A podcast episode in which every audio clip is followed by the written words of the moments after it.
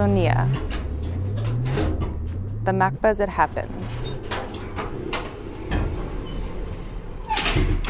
Out of the context of conceptual art in the 60s and in close contact with some of the best artists, figures emerged such as the New Yorker Seth Siegelaub, born in 1941. Siegelaub, gallery owner, editor, art dealer, and independent curator, invented innovative methods in presenting and disseminating conceptual art. He also gave impetus to projects with a clear social impact in a cultural context marked by the Vietnam War and a more politically driven art. Proposals such as the United States Servicemen's Fund or the artist contract are not understood outside of the context of the time. Sonia talks to Seth Siegelaub about the sociocultural framework of the 60s and his association with contemporary art production. Conceptual art, a possible definition. Difficult to uh, determine exactly what is meant by today by conceptual art. It's a term I particularly do not like in a way. The prevalence of concept over materiality. You could say that one of its characteristics was a lesser materiality, uh, works of art which are less material. You, you could say that all kinds of art, all kinds of material production, has a certain degree of the conceptual ideas and realization and things like this. And I would say in the 60s, in the specific context of art, because that's only one part of the reality, of course, there developed a idea in which the concept generating the work of art, uh, which was always there, uh, became more and more important. 10% material, 90% idea. In the Renaissance, for example, a sculptor or a painter had, uh, say, 5% of an idea and 95% work in material production. By the time we arrive in the 1960s, at least in the United States and Europe, maybe certainly other countries too, Latin America, for example, uh, that you know you're you are maybe talking about 10% of an idea, a uh, 10% of material production and 90% of a an idea. In other words, and this has been articulated by many people, Sol LeWitt and many other kinds of people in different ways. 100% idea. The relationship between the idea generating a work of art and the physical work of art, the relationship has changed to a point where it was possible in our generation, in the 60s, to to have a work which was in some cases like hundred percent idea and virtually no no physical presence of an idea uh, and no physical production of an object which would uh, sort of be the carrier or the porteur of the idea. And so that's the general I just a general idea what I think so-called conceptual art was about for this type of, of art it did open a lot of doors for a lot of people. And I don't know if you could say quite the same thing for abstract painting or if you say for cubism. Conceptual production in advanced capitalism. In the 1960s, which, which were the underlying social dimension for the uh, uh, the production of so-called conceptual art. You know, we were looking at a society, an advanced capitalist society, which was thinking very seriously about the idea of that the ideas or the information society as it was called would become the predominant characteristic of modern capitalist production in a way. The role of technology. To a certain degree, the internet and sort of the technologies related to the computer have more or less made that the made that possible. The social division between thinkers and producers it was very clear to be able to have a society in which the thinkers for the internet, you can talk about Silicon Valley and uh, uh, you know kind of things, and the rest of the the slaves, which would be physically producing the work. So so you have something like Apple uh, or many others, Hewlett Packard. I mean, it's it's, not important the name. Sort of generati- generators of ideas but the slaves in China and Singapore and uh, uh, Philippines are doing the material production. The relationship of conceptual art with the thinking of the 60s. That was part of what we were looking at. You have to think about, for example, uh, at that time, the Global Village, uh, Marshall McLuhan, the media is the message. And although I wouldn't say by any means that what's called conceptual art mimicked or you know was just a reflection of that there were certainly ideas that were becoming very uh, very much in the air, we say, a, sort of a zeitgeist thing, uh, zeitgeist, uh, a spirit of the time in a way, okay? And so these artists, in their, each in their own very different ways, you know, responded to that with a certain body of work, uh, which we call conceptual art today. Seth Siegelaub, Contemporary Art. I found having a gallery, which was in the center of New York on 56th Street, between 5th and 6th Avenue, a very uninteresting thing for me.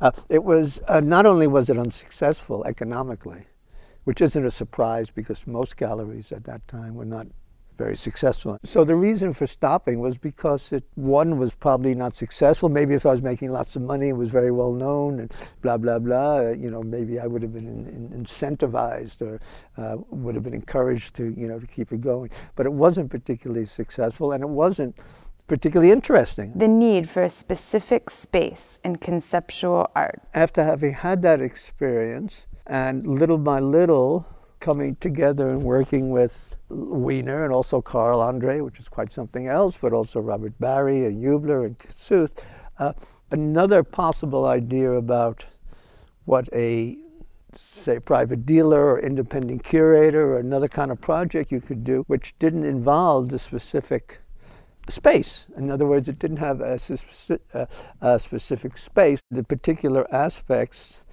that were brought out with this kind of art is that it didn't specific, specifically need a space, you know, to be able to function and to be able to have reach a public and to have people come and uh, understand. Artist in relation to the Vietnam War. The most practical thing people would do, artists, in the first place, there was a generalized hegemony, hegemonic interest in the anti war movement.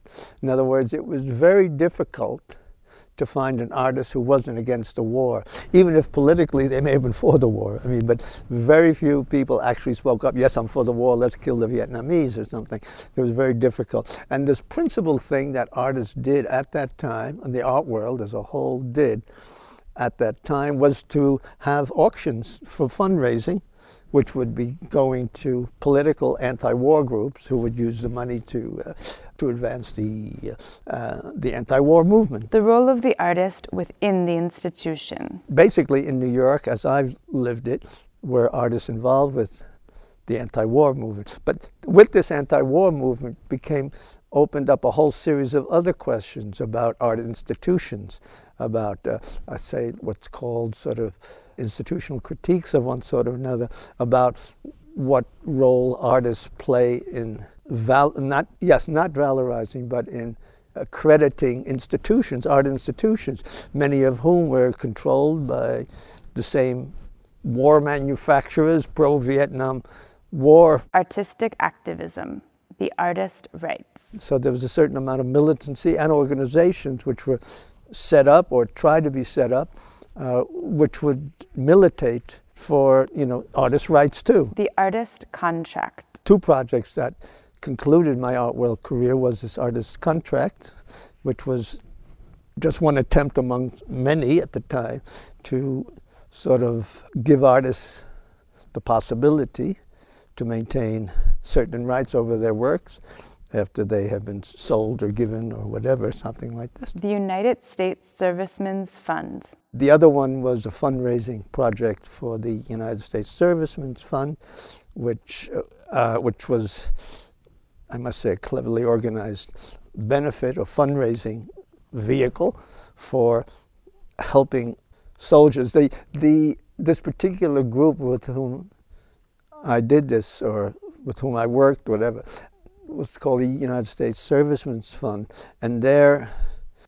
mission was to make it possible for soldiers within the Army, the United States Army, to do newspapers criticizing the Army as part of the right of free speech, as it were, and things. And so the auction, no, I shouldn't, it wasn't an auction, it was a uh, fundraising catalog, let's say, because it, it, didn't have an auction and that was, didn't have a physical the big night or something, you know, where things are sold. But it was an attempt to sell work and give the benefits to this organization, which in turn, you know, would uh, work with the soldiers to, or give them the means to be able to produce newspapers like this and also provide legal help and advice to question the right of free speech within the army. The debate between highbrow and lowbrow culture. In the 50s and the 60s in the United States, there was a developing debate about high culture, low culture,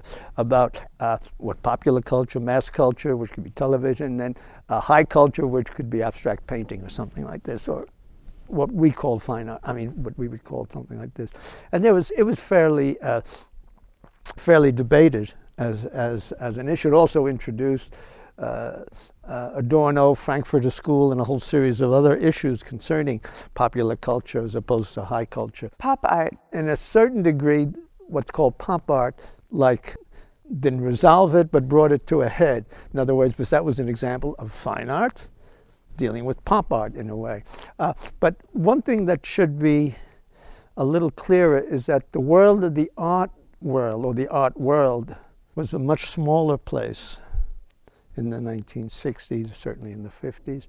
Much less on view, much less seen, much less connected to the capitalist world in that way. It was still a, uh, a world of very few people, relatively little money. I mean, there were some very rich collectors, but uh, relative money, but it had very little, a very tangential effect on capitalist society. The emergence of the visibility of art. Since then, I must say that from a small marginal activity on the edge of capitalism, I referred I have referred to it as like a pimple on the ass of capitalism in a way.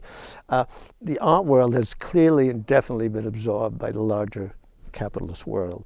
And with that has come the, uh, the appreciation or the visibility of art, which has become very uh, uh very much more in evidence.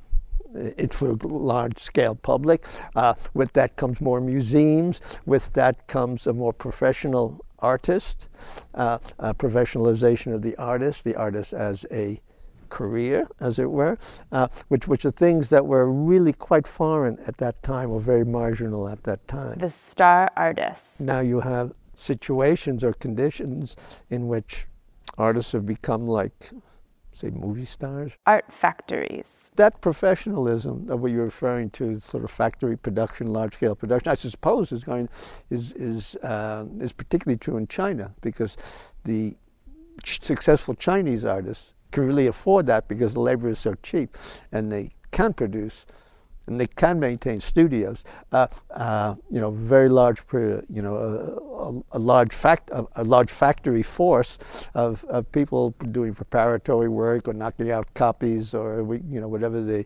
uh, they do. The professionalization of art. This kind of professionalism, vis-a-vis, you know, 40 years ago, I don't. You know, was very, very, very rare. There's very few artists, and even when they were successful or very successful, you know, you would barely see it. I mean, it wasn't something they would shove, you know, you would see in their face or something like this. But they were sort of working people making art. And yes, some of them had very good positions in houses and all that stuff. But uh, uh, there was, I mean, it was nothing like the kind of ostentation in your face kind of, uh, you know, artistic production or personalities that we see today, which is uh, which is totally in consonance with the values of capitalism. I mean, this is, I mean, that's what capitalism does to everybody. There's star architects, there's star uh, musicians, there's star, I mean, you know, museum directors, there's star curators, etc., like this. Uh, and this and this kind of uh, uh, sort of fetishism or these kinds of values are very much in keeping with the world we live in today.